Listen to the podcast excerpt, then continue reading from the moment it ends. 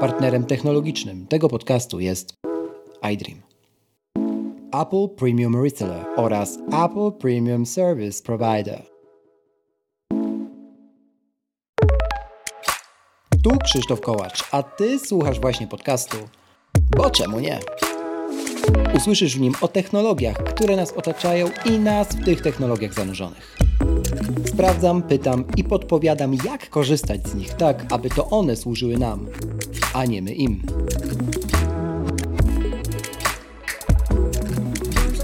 W dzisiejszym odcinku o fotografii, podróżach i tym, jaką rolę w tym wszystkim odgrywa Apple. Rozmawiam z Tomkiem Szykulskim. Bo czemu nie? Zanim zaczniemy, proszę zostaw opinię na Apple Podcast lub na Spotify. Twój głos ma znaczenie. Zaczynamy.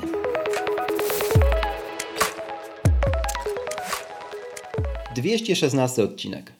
Bo czemu nie?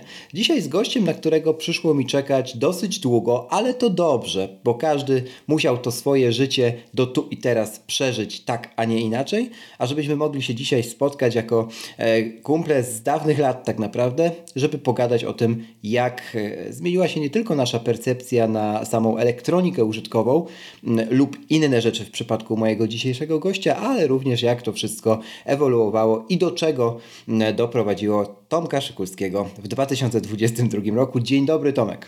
Dzień dobry, Krzysztof. Miło mi, że wpadłeś w, do, bo czemu nie? E, już powinieneś był to zrobić, tak jak powiedziałem we wstępie, dosyć e, dawno temu, ale nie ma tego złego, co by nam na dobre e, nie wyszło. Tomku, powiedz mi e, i moim słuchaczom przede wszystkim, bo mnie to tak za bardzo nie musisz, e, kim ty jesteś na co dzień i czym się e, teraz zajmujesz, tak żebyśmy mm, nakreślili chociaż pewnie spora część naszej bańki internetowej z Twittera Ciebie kojarzy. E, jak to wygląda dzisiaj mm, u Ciebie?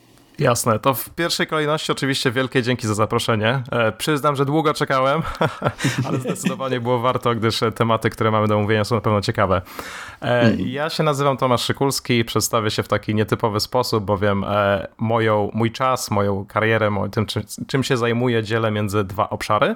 I pierwszy obszar to jest ten bardziej znany w internecie, to jest obszar e, fotografa, podróżnika, dziennikarza relacjonującego w tym miejscu swoje, swoje doświadczenia, swoje podróże, swoje projekty.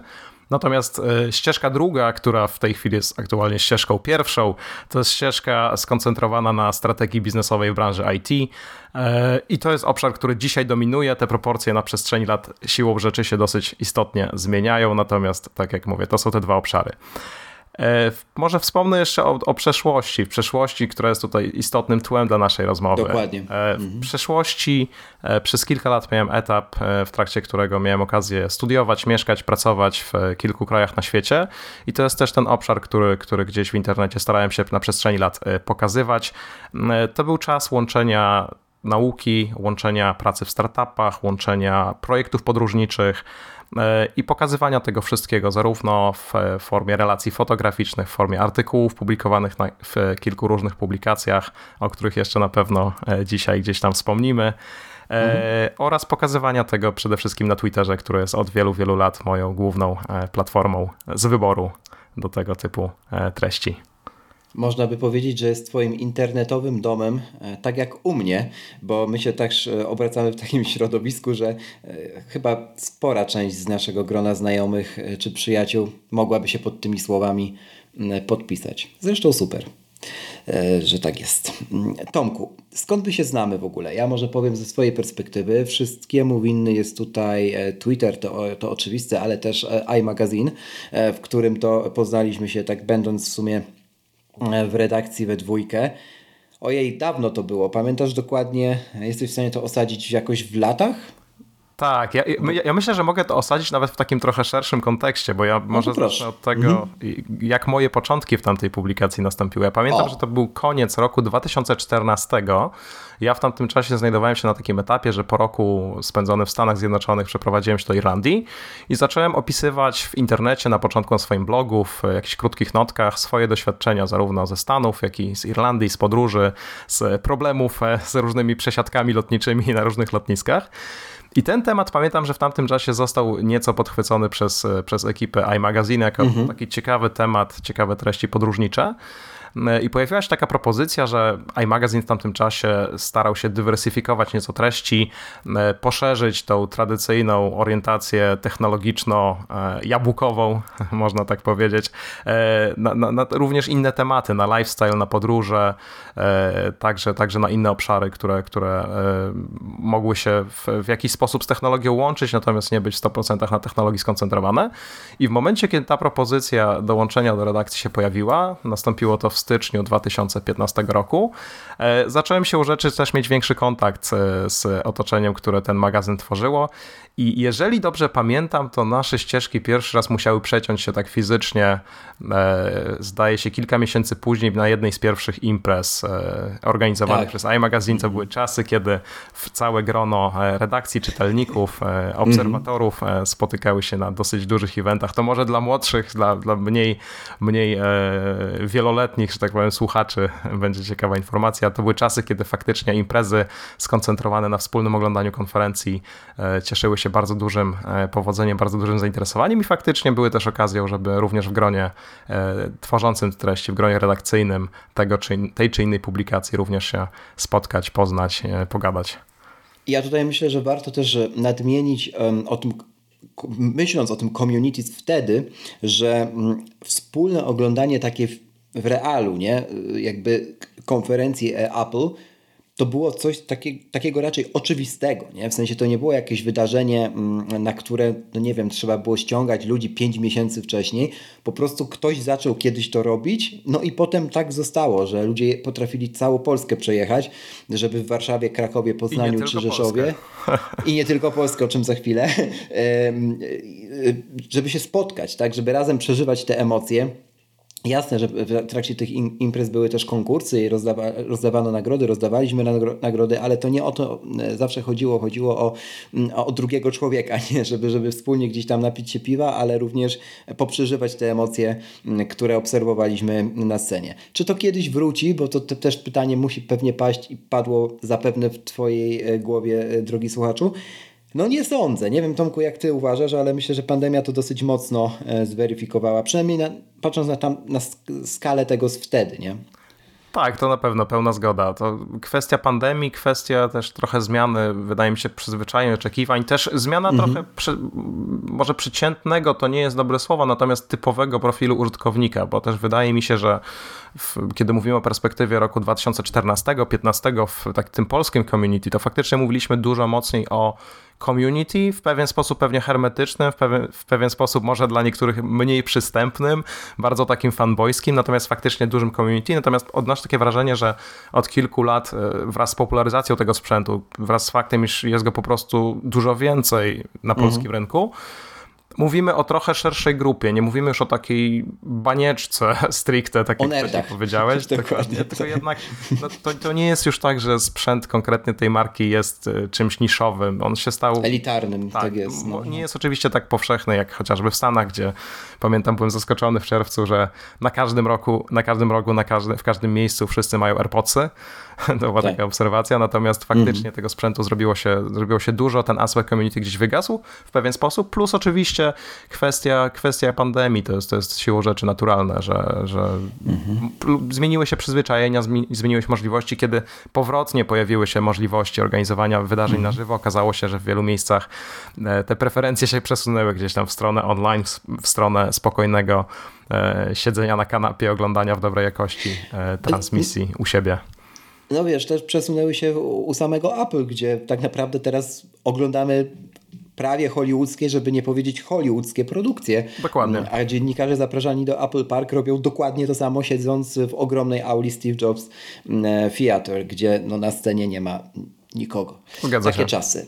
E, dobra, to pogadajmy sobie, otwierając już tę właściwą część naszej dyskusji, jak ta perspektywa mm, na Apple, bo to jest gdzieś tam trzon tego podcastu i od tego wyjdziemy, no bo przez to też się y, poznaliśmy, zmieniła się na, na przestrzeni tych ostatnich lat. Powiedziałeś zresztą słusznie, nakreślając tę zmianę mm, odbiorcy produktów Apple z takiego nerda niszowego e, do, do raczej odbiorcy masowego.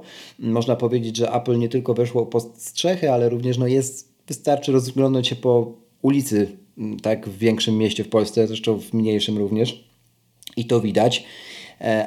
To jak wyglądało to tło technologiczne mm, od zera, czyli od tych naszych początków, bo możemy tylko mówić o czasach, których no sami doświadczyliśmy. Jasne, Apple w Polsce jest od lat 90. związane z DTP i tak dalej, i tak dalej.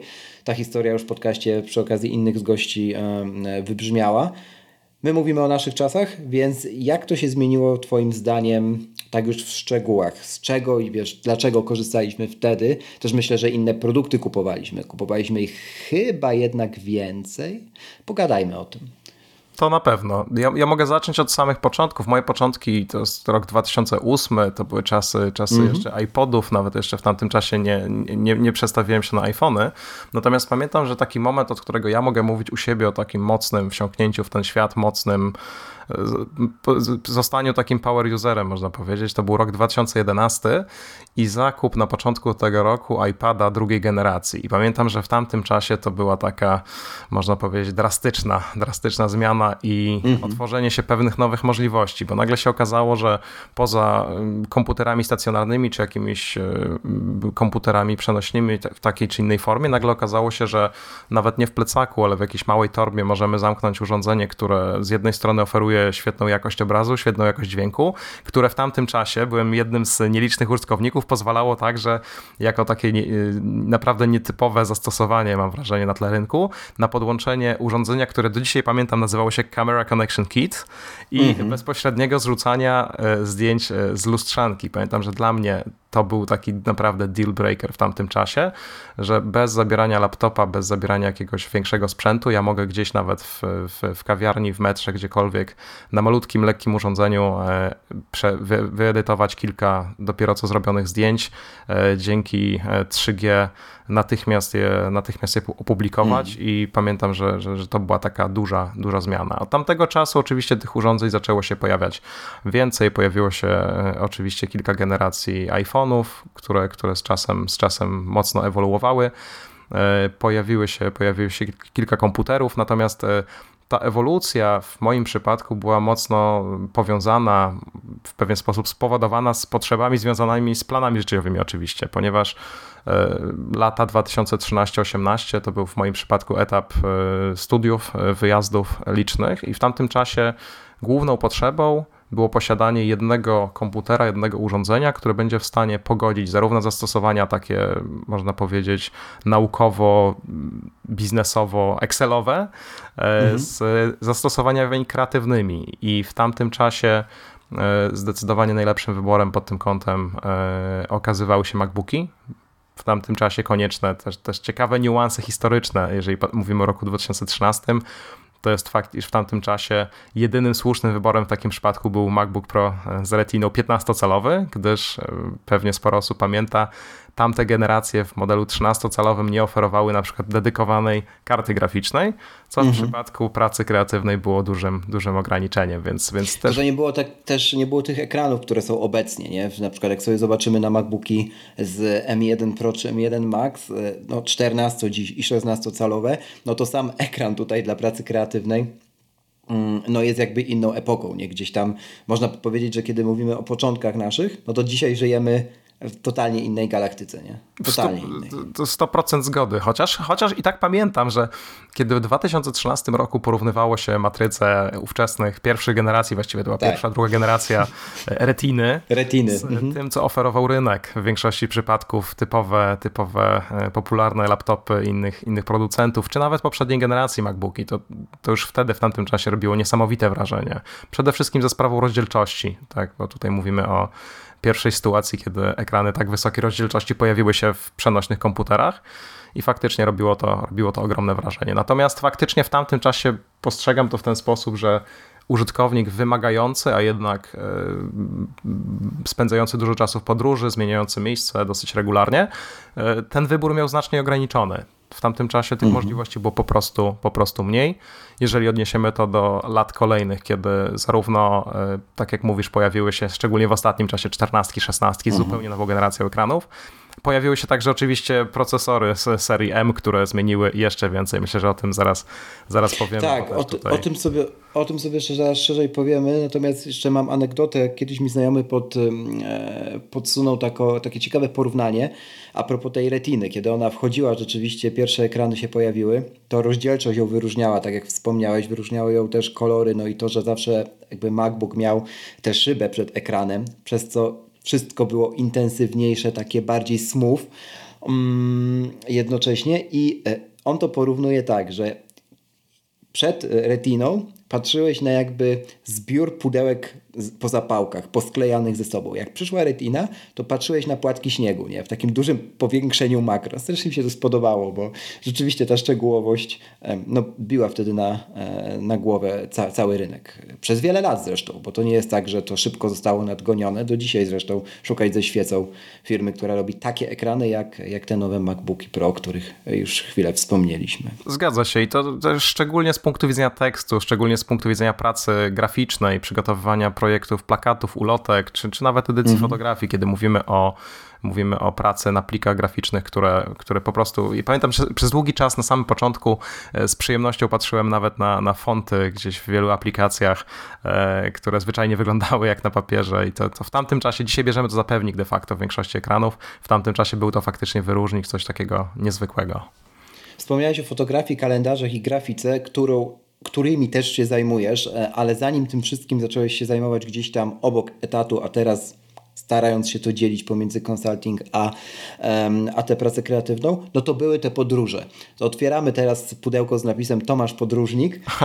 Jak wygląda ta Twoja perspektywa w ogóle na zainteresowanie się e, do zostania gościem, który no dla mnie przynajmniej był kojarzony jako ten, co potrafi zawsze znaleźć A. Tani lot, B. Jakiś błąd w systemie, C. Dobrą ofertę jeszcze się spakować w jeden plecak i spędzić gdzieś na świecie 2-3 e, tygodnie. I gdzie w tym wszystkim jest Apple? No w y, torbie, w plecaku, o którym powiedziałem, o czym zaraz powiemy więcej. Jasne, tak. jasne. To, to z mojej perspektywy to wydaje mi się, że tutaj istotne tło. To ja zawsze byłem fanem takiego wykorzystywania, e, maksymalizowania możliwości, które gdzieś tam się pojawiały. I tak jak w moim mhm. przypadku takim otwieraczem dla wielu możliwości był sam fakt studiowania w danym miejscu, tak, tak to, to, ta rola też gdzieś tam ewoluowała z czasem. To znaczy w momencie, kiedy, kiedy po prostu pojawiała się możliwość wzięcia udziału na przykład w konferencji technologicznej odbywającej się w miejscu e, aktualnym e, nauki i pracy. Tutaj może przykładem być wyjazd na, na konferencję e, CEBIT w Australii to po prostu dużo łatwiejszym przedsięwzięciem było, było robienie takich rzeczy w momencie, kiedy już było się w takim regionie, było się w takim miejscu. Więc mhm. ja zawsze wyznawałem takie podejście tutaj, jeżeli chodzi o samą geograficzną lokalizację, zacznę od tego, E, wykorzystywania szans, które się pojawiały, maksymalizowania ich. Skoro jesteśmy w jednym miejscu z takiego powodu, to może przy okazji możemy też zrobić e, kilka innych rzeczy, wziąć udział w konferencji, opisać to w ciekawy sposób, być może pozyskać także partnerów, z którymi e, będziemy mogli ten, ten wyjazd sfinansować, poszerzyć, tutaj pokazać w jakiś ciekawy sposób odbiorcom w internecie, czy to w formie artykułu, czy to w formie jakiejś fotorelacji. Więc to jest jedno tło. Tło drugie, tło, o którym wspomniałeś, pakowania się technologii, przygotowania do takich wyjazdów. Tutaj myślę, że to jest ciekawy temat. Mhm. E, przede wszystkim ja zawsze byłem fanem takiego podejścia minimalistycznego do tego. To, mhm. to, jest, to jest główna tak informacja. Tak naturalnie, nie? W sensie tak, nie, że naczytałeś tak, się tak. Marie Kondo, tylko tak naturalnie zawsze miałeś. Oczywiście. Okay. I, to, i to, jest, to jest pragmatyzm oczywiście, bo tutaj -hmm. kwestia, -hmm. kwestia częstych podróży lotniczych, o, oczywiście optymalizacja kosztów, e, brak bagażu rejestrowanego, więc też konieczność zrezygnowania z pewnych rozwiązań. Więc zarówno od strony, od strony można powiedzieć komputerowo-laptopowej, sprzętowej, jak i od strony sprzętu fotograficznego to podejście starałem się, starałem się wdrażać. Tutaj jeśli chodzi o stronę fotograficzną, e, zawsze wychodziłem z takiego założenia, że jeżeli chodzi na przykład o optykę, byłem fanem raczej ograniczenia liczby obiektywów w torbie, e, by na przykład zamiast tego móc zabrać dodatkowe oświetlenie, dodatkowe akcesoria, jakiegoś gimbala, jakieś tego typu rozwiązania, które w pewien sposób atrakcyjnią to, co będziemy w stanie zrobić, czy zabieranie ze sobą statywów dodatkowych, czy, czy właśnie jakichś rozwiązań oświetleniowych. E, preferowałem na rzecz zabierania na przykład większej ilości optyki, gdyż po prostu nie było możliwe zabranie wszystkiego. Z punktu widzenia komputera tutaj świetnie, świetno, świetnie przez lata sprawdzały się oczywiście MacBooki ze sprawą tego, że właśnie w jednym urządzeniu mieliśmy z jednej strony świetny ekran, nie potrzebowaliśmy de facto w wersji 15-calowej zbyt często korzystania z zewnętrznego ekranu, co bardzo ułatwiało pracę. E, natomiast mieliśmy jednocześnie bardzo mocne, jak to powiedzieć, bebechy, e, bardzo mocne podzespoły, e, które, które nie ograniczały także pracy, pracy w innych obszarach, pozwalały na szybki eksport także wideo, czy, czy jakichś bardziej złożonych plików graficznych. Więc to podejście, też ten sprzęt, nie ukrywam, że dosyć istotnie w tym podejściu minimalistycznym pomagał. E, czego też efektem, na przykład w mojej perspektywie, był fakt, iż e, ja jako taki na wczesnym etapie korzystania ze sprzętu Apple Power User e, Apple, iPadowy, można powiedzieć, w pewnym czasie przesiadłem się jedynie na tryb 100% MacBook. No właśnie, to co mówisz i tak sobie myślę o tamtych czasach, kiedy wspominasz gimbale, dzisiaj tak naprawdę już w czasach post y, Casey Neistat, chociaż wrócił niedawno na, na, na YouTube'a, mm, no, nikogo nie dziwi chodzenie z gimbalem, na którym jest iPhone, czy, czy z jakimś takim wysięgnikiem i nagrywanie na ulicy relacji z podróży. Wtedy to była egzotyka, naprawdę egzotyka. Dzisiaj możemy sobie pójść chociażby do iDream.pl i kupić takiego gimbala, a wtedy nawet o głupich powerbankach, nie? które dzisiaj, wiesz, zamawiamy sobie na stronie iDreamu, za 24 godziny mamy u siebie. No wtedy, kurczę, ja pamiętam na tych pierwszych imprezach Apple'owych, jak ktoś miał dużego powerbanka, mm, tam gdzie, gdzie bywaliśmy z reakcją iMaga,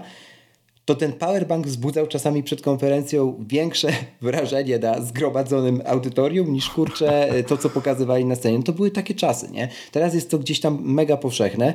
Będziemy jeszcze na koniec rozmawiać o tym, jak się dzisiaj pakować, bo mam wrażenie, że ten minimalizm w ogóle można podkręcić już do takich, takiego stopnia, że nie chcę wyprzedzać faktów, ale być może wystarczy jedna, dwie rzeczy w tym, w tym plecaku, w tej walizce. Zanim jednak o tym, to ty masz, widzisz, ten horyzont podróżnika, o którym teraz opowiedziałeś, ale obok zacząłeś robić też te rzeczy związane z fotografią, bo swoje zdjęcia zacząłeś drukować, sprzedawać w formie kalendarzy, zresztą robisz to co rok. Mm, jak patrzysz na Apple w tym kontekście? Przez te wszystkie lata to ten sprzęt zawsze się u ciebie jakby tak amortyzował, że on na mega długo starczał? Czy widzisz taką zmianę, że coś tutaj jakby wiesz, jest różnego względem początków? Mhm. tak, kwestia amortyzacji to jest, to jest, bardzo dobry temat, szczególnie w kontekście projektów. Ja, ja wychodzę z takiej, kiedyś robiłem sobie taką z tyłu głowy kalkulację, że sprzęt mm. zarówno komputerowy, z którego korzystałem jeszcze do niedawna, tu zaraz o tym powiemy, jak i sprzęt mhm. fotograficzny u mnie zamortyzował się po wielokroć. I to, to taką naprawdę wysoką liczbę, e, gdyż ja wychodziłem z założenia, że odpowiednio dopasowany sprzęt, szczególnie w kontekście właśnie komputera, odpowiednio doposażone e, stanowisko pracy jest w stanie faktycznie wystarczyć na, na, na bardzo długo. I tutaj najlepszy dowód jest taki, że ja właściwie przez, przez 8 lat e, bazowałem na tej samej generacji MacBooka Pro 15-calowego mhm. z Retiną. I ten komputer faktycznie z czasem oczywiście pojawiły się nowe możliwości w nowych generacjach. Ta moc y, okazywała się w pewnych zastosowaniach może nie tyle niewystarczająca, ale jednak jakieś pewne niedostatki zaczęły się pojawiać. Natomiast fakt faktem ten komputer przez, przez prawie 8 lat e, funkcjonował niezawodnie i cały czas pozwalał realizować te same projekty w ten sam sposób, z tą samą efektywnością, e, nie tworząc e, samodzielnie żadnych ograniczeń. Więc z tej perspektywy jak najbardziej. E, natomiast też z czasem oczywiście to, to, jest, to jest zagadnienie bardziej widoczne, wydaje mi się, w, w iPhone'ach niż, niż w Macach. Natomiast e, z czasem faktycznie pojawiają się rozwiązania w kolejnych generacjach sprzętu, które e, które tworzą te nowe możliwości. W momencie, kiedy tutaj takim dobrym przykładem jest oczywiście aparat w iPhone'ie, który osobiście dla mnie z, pomiędzy generacjami jest takim głównym argumentem za, e, za wymianą e, telefonu. Więc ta perspektywa w, dużej, w, dużej, w dużym stopniu zależy od tego, czy mówimy o komputerze, czy mówimy o e, telefonie, czy jeszcze o innym innym elemencie naszego, naszego zestawu, natomiast w przypadku komputerów zdecydowanie ta perspektywa wieloletnia się sprawdza. Ta niezawodność, to, że na przykład bez problemu nawet sprzęt pogwarancyjny zdarzało mi się serwisować nieodpłatnie, więc, więc, więc tak, to są kwestie, które też również się docenia, które pozwalają z tego sprzętu korzystać naprawdę długo i i bez trudności, tak przynajmniej było w moim, w moim przypadku. No w moim było podobnie, chociaż e, nigdy takiego wielkiego komputera jak 15-calowy czy 16-calowy w swoim życiu nie miałem, ale pamiętam jak, e, jak też przylatywałeś na, na te imprezy, bo o tym myślę też możemy już w tym momencie powiedzieć, mm, e, studiując jeszcze gdzieś tam w Irlandii czy innym odległym końcu świata, to zawsze brałeś tego MacBooka ze sobą i to było dla mnie niezwykłe, że po pierwsze, że to on ci się gdziekolwiek mieści, a po drugie, że jednak jest to twoja stacja robocza. No i tutaj, jeżeli zobaczymy sobie na jego możliwości, to rzeczywiście przez wielkie e, S stacja robocza, nie? Bo, bo on wyprzedzał sporo swoje czasy. Mm, teraz jest trochę inaczej. Na czym ty aktualnie pracujesz? I to jest dobry, dobry przyczynek do dyskusji też o zmieniających się potrzebach i, Dokładnie. i, i preferencjach.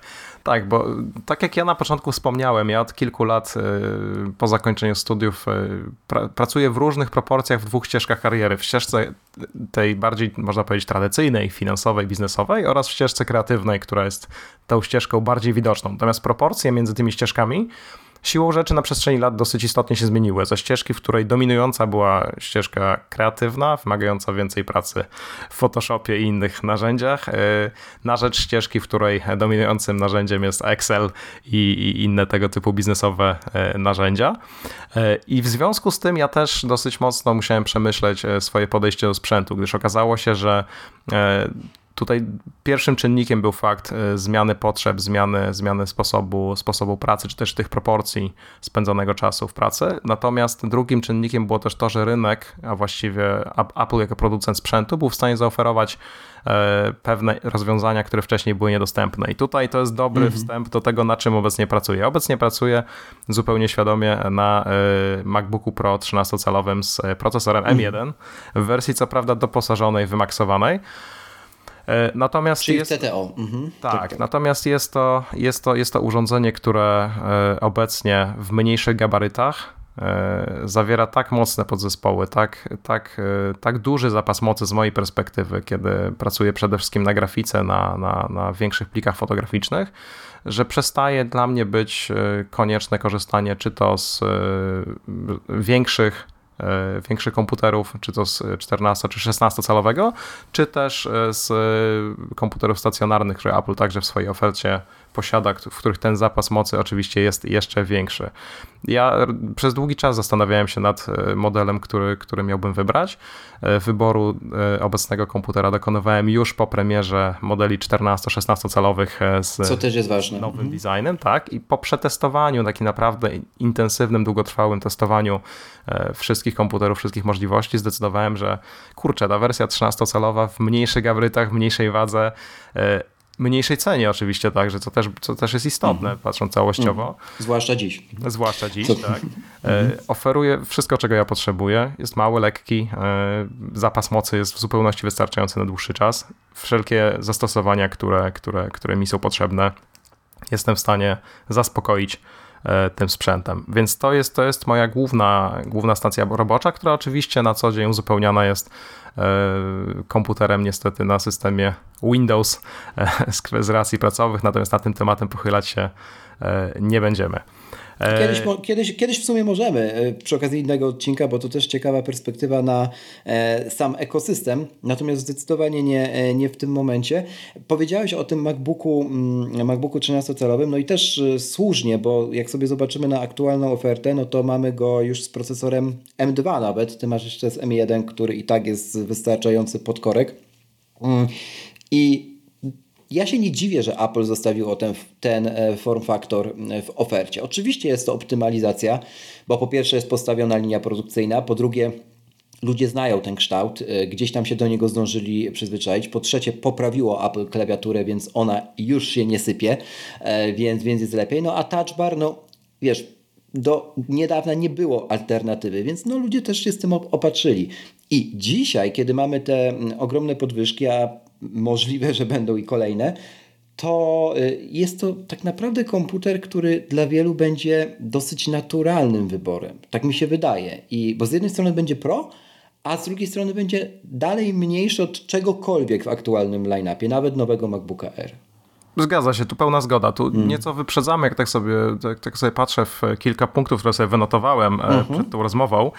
E, natomiast coś, co chciałem powiedzieć, to jest fakt, iż z mojej perspektywy Apple dzisiaj, już właściwie od dobrych dwóch lat, ma w swojej ofercie rozwiązania, które można nazwać budżetowymi z punktu mhm. widzenia tej firmy, czy wcześniejszego pozycjonowania tej firmy które dla fotografów, dla grafików, dla wielu osób kreatywnych, amatorów przede wszystkim, e, próbujących swoich sił w tych obszarach, e, będą w zupełności wystarczające. Jednocześnie ta barier, ten próg wejścia, ta bariera wejścia jest na tyle niska, Mówię tutaj właśnie na przykład o MacBooku Pro 13-calowym, ale też o MacBooku R poprzedniej generacji z, z M1, okazuje się nagle, że w, w, naprawdę rozsądnej cenie jesteśmy w stanie do tego systemu wejść, zyskać wszystkie korzyści mhm. z świetnej jakości ekranów, naprawdę solidny, solidny zapas mocy, naprawdę solidne podzespoły e, i przede wszystkim włączenie się w cały ten ekosystem, e, który, który, który tutaj dobrym przykładem tego są właśnie MacBooki, ale też dobrym przykładem są podstawowe modele iPadów, które też ich możliwości dzisiaj są naprawdę, naprawdę przyzwoite. Natomiast ich bariera wejścia ustawiona, zdaje się, nadal poniżej 2000 zł jest, jest e, jak na, szczególnie jak na tę firmę naprawdę niska, e, jeżeli zestawimy to ze wszystkimi e, korzyściami i możliwościami, jakie to tworzy. Zanim wrócimy do odcinka, dwa krótkie ogłoszenia. Po pierwsze, zapraszam do subskrybowania newslettera tego podcastu. The Menu Bar. Znajdziesz go pod adresem boczemunie.pl ukośnik newsletter. Tam co dwa tygodnie garść informacji ze świata technologii, kawy, podcastów. Ponadto porady dotyczące tego, jak efektywnie korzystać z urządzeń, które na co dzień nosimy przy sobie. Po drugie, zarówno newsletter, jak i ten podcast możesz wspierać.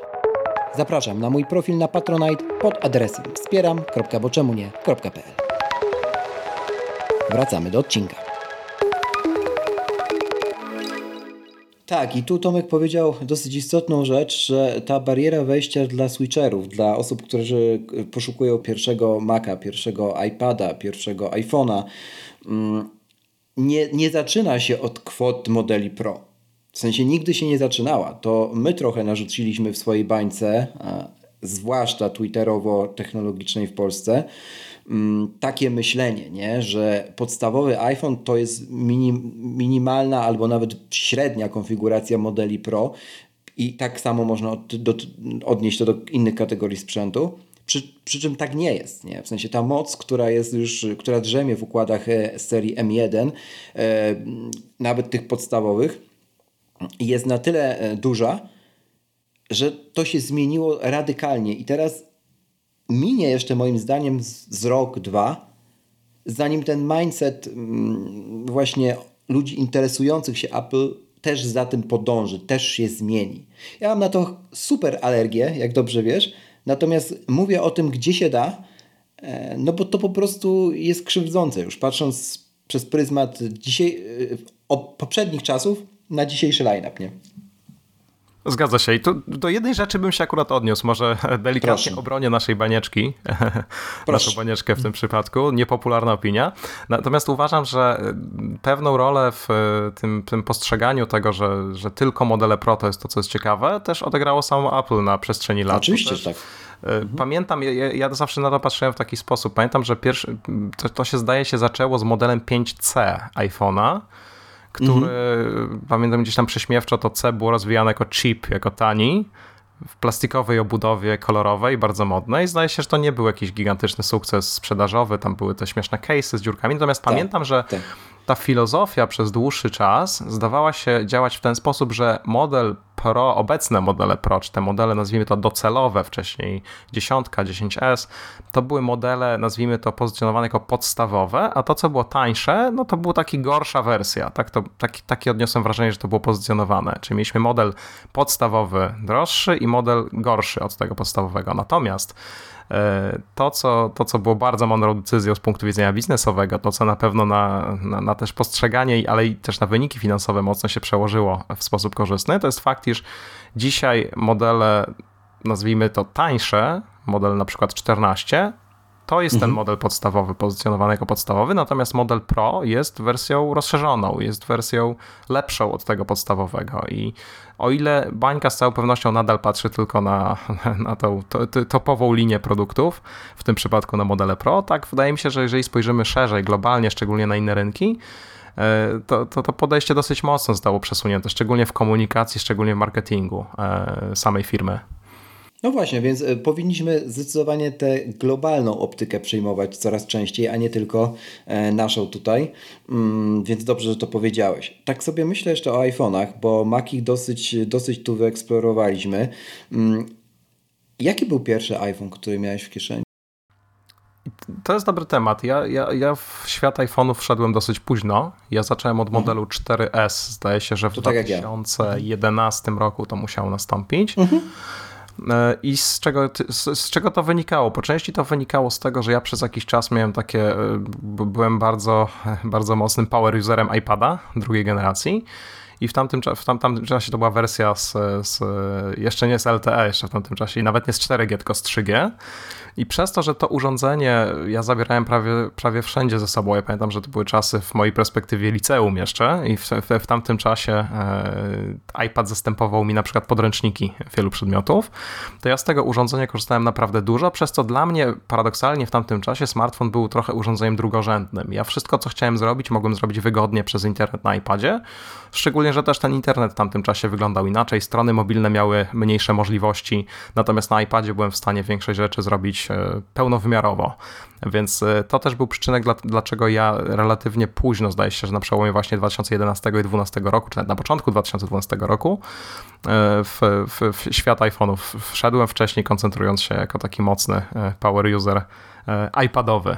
Natomiast z czasem, kiedy, kiedy te potrzeby zaczęły się zmieniać, wyjazd na studia, potrzeba posiadania mocnego, jednak przenośnego komputera do edycji, do pracy, E, do różnych zastosowań, e, iPad zaczął tracić na znaczeniu, więc ja z czasem, pomimo że nadal gdzieś, gdzieś, gdzieś był w mojej torbie, gdzieś nadal te urządzenia e, gdzieś tam się mhm. przewijały, kolejne generacje, to jego rola zaczęła znacznie spadać i wtedy zdecydowanie bardzo mocno zacząłem przechodzić w taki popularny dla wielu osób setup, czyli iPhone plus, plus MacBook, jako, jako dwa urządzenia, które zaspokajają mhm. właściwie wszystkie możliwe potrzeby. Do tego doszedł Apple Watch jeszcze w pewnym momencie. Wiem, że to trochę zmieniło też w kontekście sportowym u Ciebie, może nie tak mocno jak u mnie, ale, ale jednak. Jaka była wtedy jego rola, jeśli chodzi o pierwszą e, generację, jak, jest, jak to wygląda dzisiaj?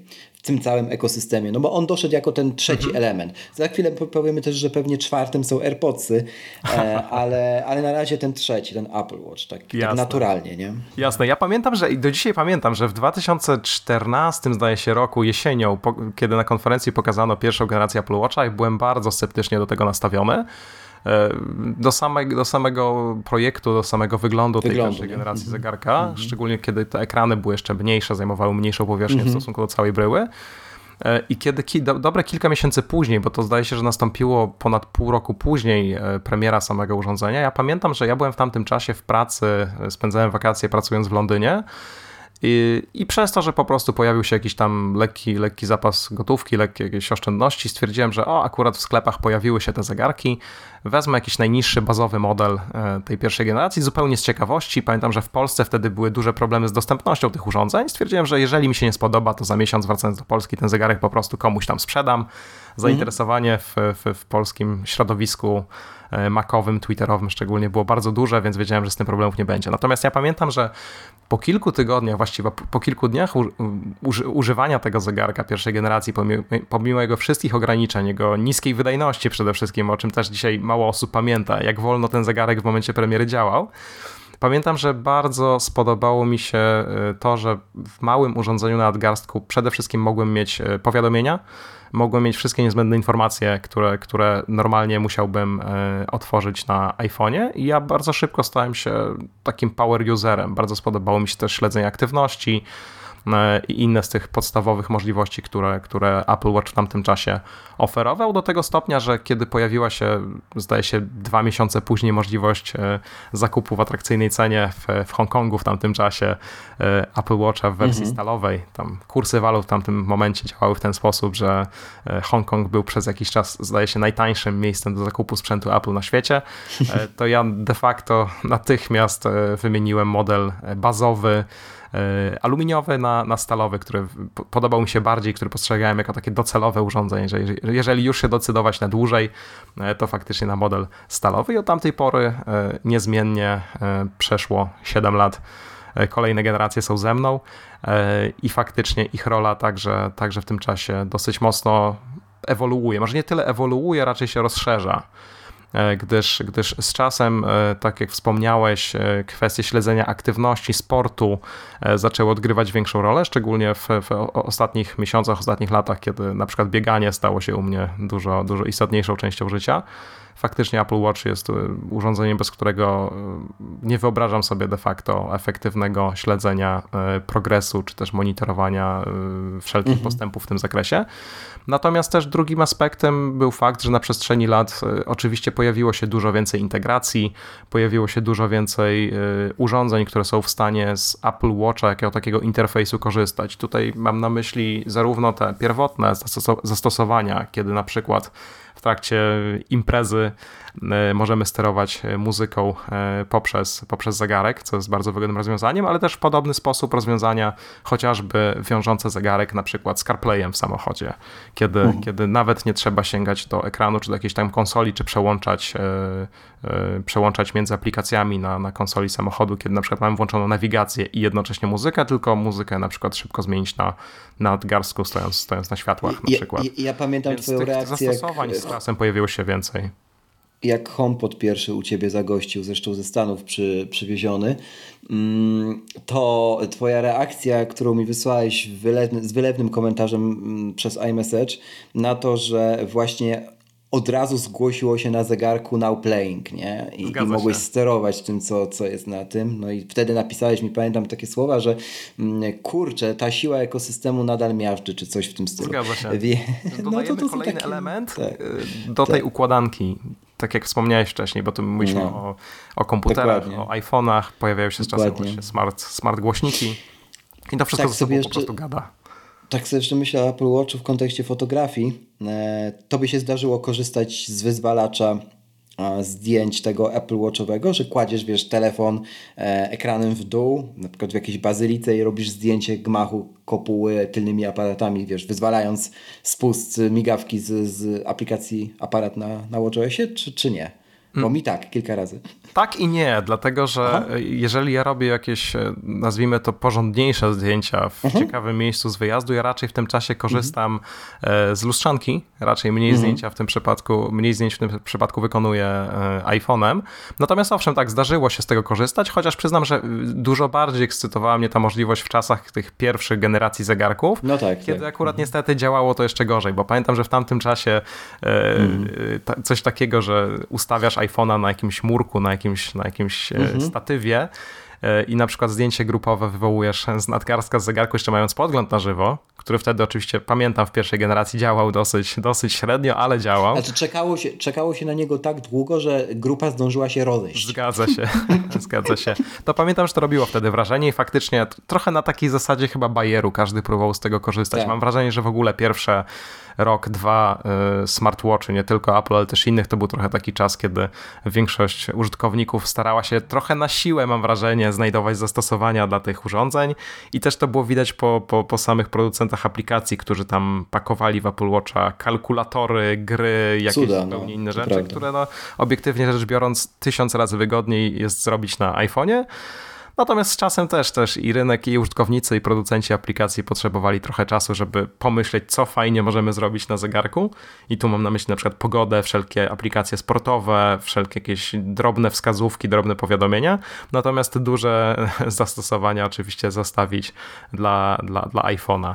I to też Teraz wymagało czasu tak sobie zobaczę na iOS 16 i WatchOS 9, no to wypchnięcie widgetów w tej niezmienionej formie, jeśli chodzi o strukturę kodu na ekran lock screen, na lock screen e, tego mm, nowych iPhone'ów, mm, w ogóle iPhone'ów, e, no jest takim sprytnym, taką sprytną próbą ze strony Apple tchnięcia nowego ducha, że tak powiem, w w tego typu aplikacje, nie? gdzie cross między różnymi urządzeniami um, mają dawać jakieś informacje, jakąś wartość. Widgety są tego kapitalnym przykładem, a niekoniecznie robić rzeczy naokoło, więc żyję przekonaniem, że producenci, de, e, że deweloperzy jakby przemyślą jeszcze raz, co tu można klientowi, użytkownikowi prezentować takiej, a nie, minimalistycznej formie, mm, a niekoniecznie jakie kolejne funkcje dokładać. To jest raz. I dwa, ja pamiętam też, że pierwsza generacja to mm, było właśnie coś, o czym jak się było nerdem czy, czy, czy fanboyem, e,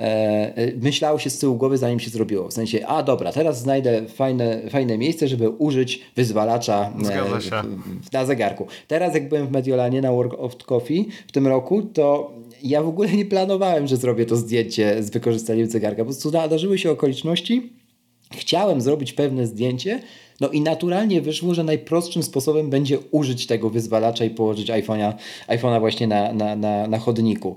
E, nie, nie odwrotnie, więc ten paradygmat się też super zmienił. Fajnie jest to obserwować tak po sobie. Zgadza się, w 100% się zgadzam. E, iPhony. Powiedziałeś, że zaczynałeś od 4S, a teraz masz z tego co wiem 13 Pro, niedawno zresztą wymieniałeś, jak wielu w tym kraju na, na ten model. I, i e, jak ty widzisz zmianę? Wcześniej miałeś chyba dziesiątkę, nie? E, to jest dosyć duży przeskok. 10 ESA, tak. No, no to, to jak to wygląda? Ja generalnie przez bardzo długi czas e, korzystałem z 10 ESA. Ja wyszedłem trochę ponownie z takiego założenia, że no, ten sprzęt cały czas robi dobrą robotę i faktycznie mhm. jego głównym ograniczeniem nawet dzisiaj według mnie nie jest, nie jest performance, nie jest, nie jest wygląd, nie jest ekran nawet, tylko jest przede wszystkim aparat, bo tutaj na tym, na tym polu największy postęp w ostatnich latach, e, z mojej perspektywy oczywiście subiektywnej, e, Apple poczyniło. I ja decyzję na zmianę na 13 Pro poczyniłem, podjąłem de facto w dniu konferencji, kiedy pokazano 14 Pro.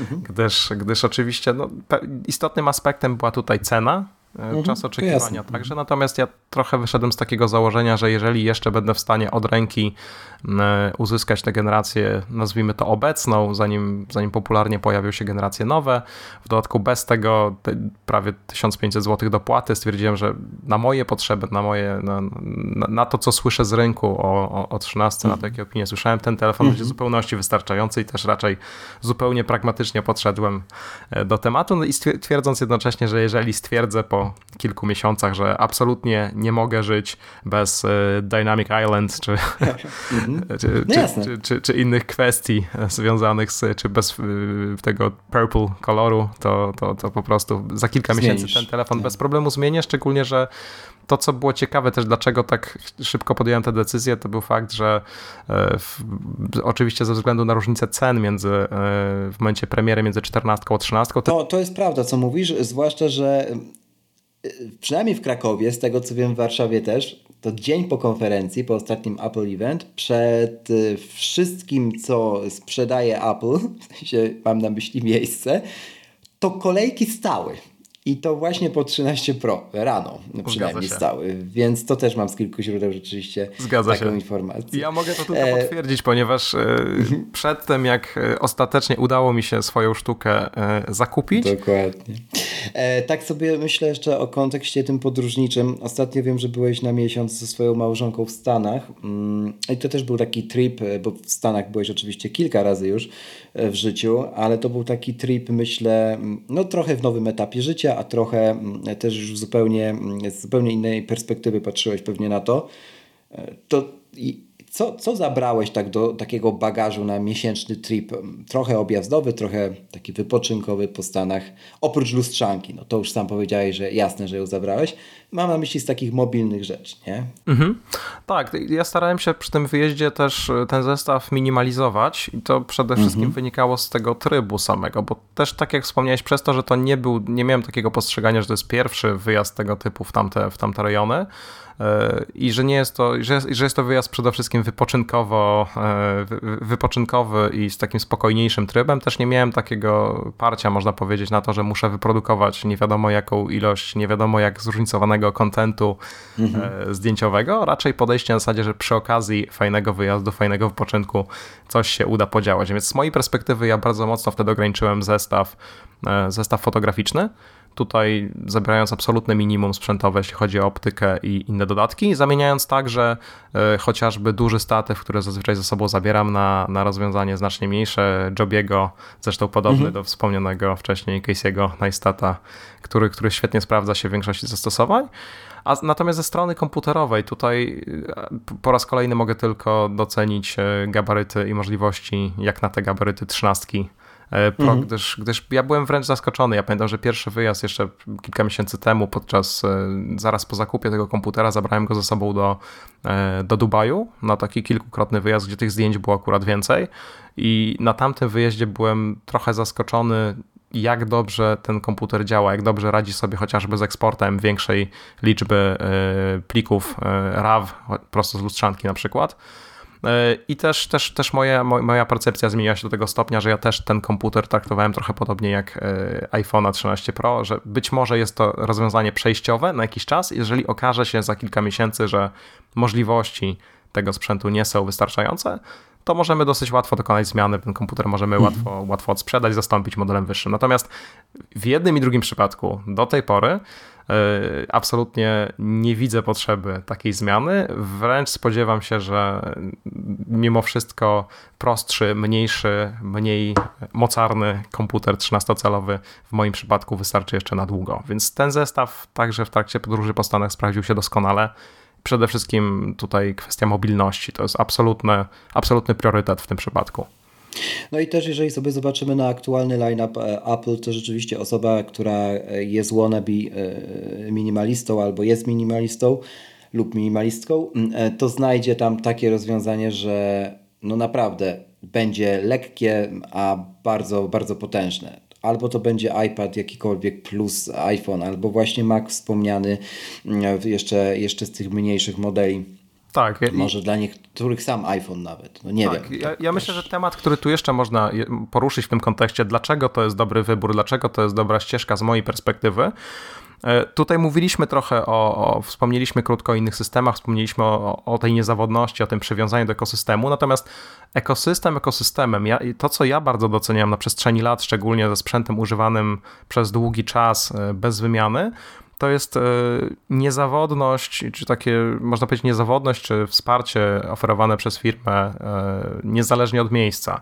Bo tutaj mam kilka mhm. takich przykładów. Ja pamiętam, że pomimo tego, że robiłem różne, e, różne próby podejścia do sprzętu innych firm, zarówno komputerowego, jak i, jak i, jak i telefonów, to, co ja bardzo doceniałem na przestrzeni lat, to była właśnie ta pewność i niezawodność. I tutaj mam na myśli te kilka takich sytuacji. Na przykład komputer kupiony w Polsce MacBooka, ja miałem okazję serwisować jego matrycę w trakcie pobytu w Waszyngtonie, zostawiając ten e, komputer w mhm. Apple Store w Waszyngtonie, który za dwa dni do jeszcze innego stanu wrócił do mnie z nową matrycą, co było w ogóle ekspresowe. E, to samo tyczy się iPhone'a kupionego też zdaje się w Polsce, który gwarancyjnie miałem okazję wymieniać w Apple Store w Londynie, zupełnie od ręki, zupełnie bez żadnych mhm. pytań, e, mhm. załatwiania czegokolwiek, jakichkolwiek formalności, po prostu telefon został wymieniony. I trzeci taki przykład, pamiętam bardzo korzystny w tamtym czasie, w momencie, kiedy pojawiły się iPhone siódmej generacji, to był iPhone 7, E, pamiętam, że ponownie telefon zdaje się kupiony w Stanach. E, będąc w tamtym czasie w Australii, miałem okazję odsprzedać w, tym, w ramach tego oficjalnego programu w, mhm. w Apple Store, tak by przy wymianie tak, tak. na mhm. nową generację. To była zdaje się iPhone 6 wymieniony na siódemkę w tamtym czasie, by skorzystać z niższej ceny, by telefonu, który był bardzo mocno e, wyeksploatowany w tamtym czasie pozbyć. E, otrzymując za to sensowne pieniądze. I ta niezawodna pewność, że w skali globalnej, szczególnie dużo podróżując, my wiemy, czego się możemy spodziewać w zakresie serwisu, wsparcia, tej łatwości wymiany, łatwości obsługi, jest gigantycznym argumentem, już abstrahując od ekosystemu, abstrahując od tych czy innych przewag innych producentów. Więc to jest coś, co też myślę warto, warto podkreślić. Dlaczego też w podróży to się tak dobrze sprawdza w trybie szczególnie takim mocno, mocno mobilnym. W 100% zgoda, też miałem takie mm, przykłady u siebie, gdzie czy to na Covent Garden w Londynie, czy, czy w innych miejscach wymieniałem coś rzeczywiście też od ręki. Nawet, nawet to były niekiedy futerały do, do iPhone'a i też nie było z tym żadnego, absolutnie żadnego problemu. Oczywiście kupione, kupione też w Polsce w oficjalnej dystrybucji. Mm, jak sobie patrzysz z punktu widzenia też człowieka e, blisko będącego przy strategii, przy w ogóle temacie biznesu e, i takiego jego rozsądnego planowania, układania na Apple teraz, e, to gdzie ta firma jest względem tego, wiesz, jak pamiętasz początki swoje z nią, nie? Mhm.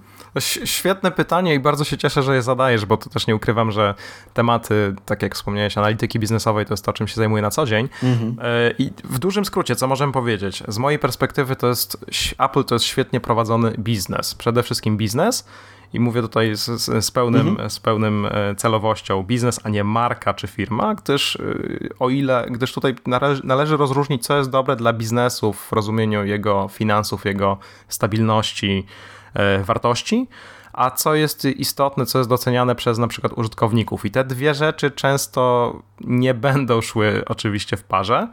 I te przykłady, o przykładach zaraz powiem, natomiast może najpierw od tej mhm. strony, strony biznesowo-finansowej. No, poza tym, co wszyscy słyszymy o rekordowych wynikach właściwie co kwartał, o rekordowych zyskach na tle konkurencji, E, ogromnych, również teraz nieco mniejszych, ale nadal bardzo istotnych rezerwach e, gotówkowych. E, tutaj widać bardzo wiele takich świadomych działań, wiele świadomych decyzji, które, które wpływają na to, że te wyniki wyglądają tak, nie inaczej. Świetnym przykładem tutaj jest dywersyfikacja źródeł przychodu i tutaj mm. konkretnie mam na myśli usługi, bo ponieważ ja sobie z ciekawości jeszcze przed rozmową odświeżyłem sobie wyniki, akurat zdaje się to były za drugi kwartał, to były wyniki z końca czerwca, tak. E, w których zdaje się z nieco ponad 80 miliardów dolarów sprzedaży. W tej chwili już jedna czwarta, mówimy o kwartalnych, kwartalnych wynikach, jedna czwarta to są usługi. To jest 20 miliardów dolarów w jeden kwartał e, ze sprzedaży usług wszelkich e, cloudów, Apple Music, Apple TV Plus, TV Plus. całej, mhm. całej reszty usług, które, które są powiązane z produktami które odnoszą dwa cele. Po pierwsze, to jest ta dywersyfikacja źródeł przychodu dla firmy, znakomita, bardzo potrzebna, a z drugiej strony to jest jeszcze większa lojalizacja użytkowników. W momencie, kiedy poza fizycznym urządzeniem, które, które, które mamy w kieszeni, E, które lubimy z tych czy innych przyczyn, ze względu na aparat, czy markę, czy ekosystem. Mamy jeszcze aspekt tego jeszcze mocniejszego e, przywiązania poprzez usługi, z których możemy korzystać. Oczywiście z części z nich możemy korzystać poza ekosystemem, natomiast jest to mhm. w wielu przypadkach mniej efektywne, czy też w mniejszym stopniu e, dostępne. Więc, więc to jest na pewno, na pewno bardzo, bardzo pozytywny aspekt dla, bizne, dla, dla Apple jako biznesu. Z punktu widzenia to, to co wspomniałem, e, jeśli chodzi o użytkowników, tutaj co się nie pokrywa. Tutaj myślę, że ostatnio ciekawym, ciekawym wątkiem poruszanym chyba przy każdej konferencji, na której, na której iPhony ulegają nie, niewielkim zmianom, jest fakt, iż e, następują bardzo niewielkie zmiany chociażby w wielkości, wielkości case'ów czy w położeniu przycisków na, mhm. na, na obudowie, które ponownie po, powodują, że e, oprócz tego, że wprowadzamy nowy model do sprzedaży, samego urządzenia, to również okazuje się, że w większości przypadków jego e, wszelkie dodatki również będziemy musieli do tego, do tego e, nowego iPhone'a wymienić, maksymalizując jednocześnie sprzedaż w tych kategoriach, które są bardzo wysoko marżowe dla, dla Apple jako firmy, jednocześnie napędzając właśnie, właśnie ich Tutaj sobie myślę jeszcze o, je, o, jednej rzeczy, warto myślę wspomnieć, że mm, kwartał do kwartału i rok do roku w sumie też Um, Apple Watch jest y, odpowiedzialny za tę kategorię wearables, do której też przynależą akcesoria mm, wspomniane przez Ciebie, e, za ogromny, y, za ogromny odsetek y, wzrostów tam. I teraz mm, dla 75% osób e, jest to pierwszy smartwatch, jaki kupili. I myślę, że to, że Apple jest liderem w ogóle wearables, to jest jedna, jedna rzecz, ale druga rzecz – że może się tym wskaźnikiem utrzymywanym na poziomie 70% plus e, w kontekście, o którym przed chwilą powiedziałem, poszczycić e, przez już chyba trzeci rok z rzędu, no to to jest coś niesamowitego.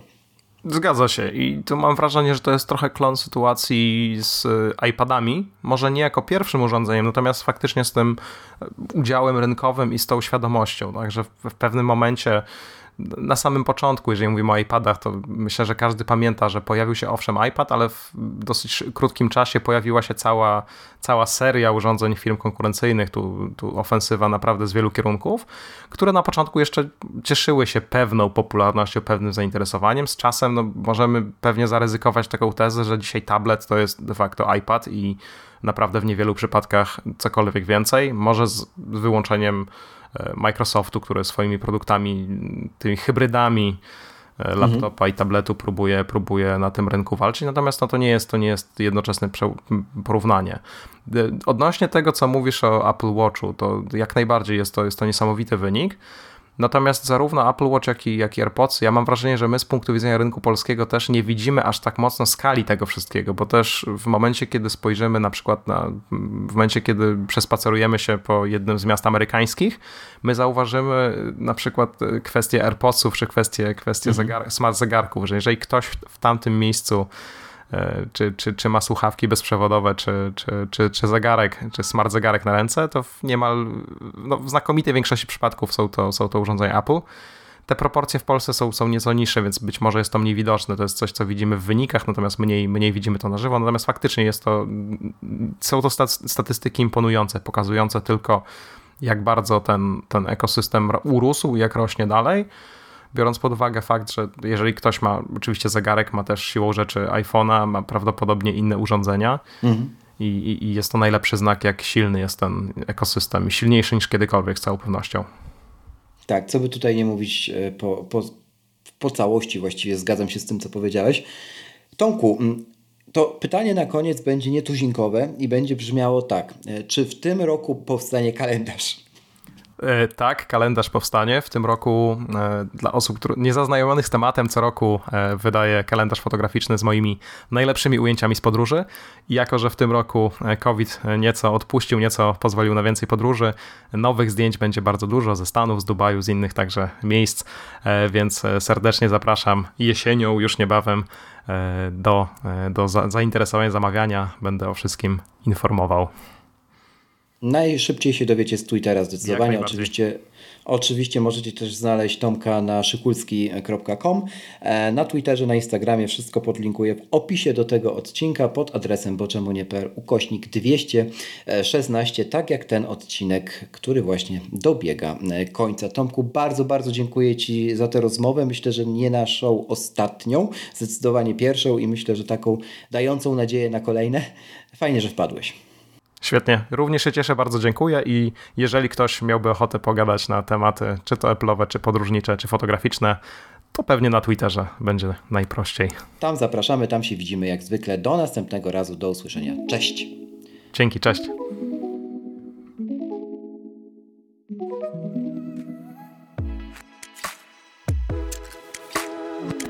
Raz jeszcze, na koniec, żeby nie umknęło. Przypominam, zostaw Apple Podcast oraz na Spotify taką liczbę gwiazdek, jaką uznasz za stosowną. Do usłyszenia w kolejnym odcinku, a za dziś bardzo dziękuję.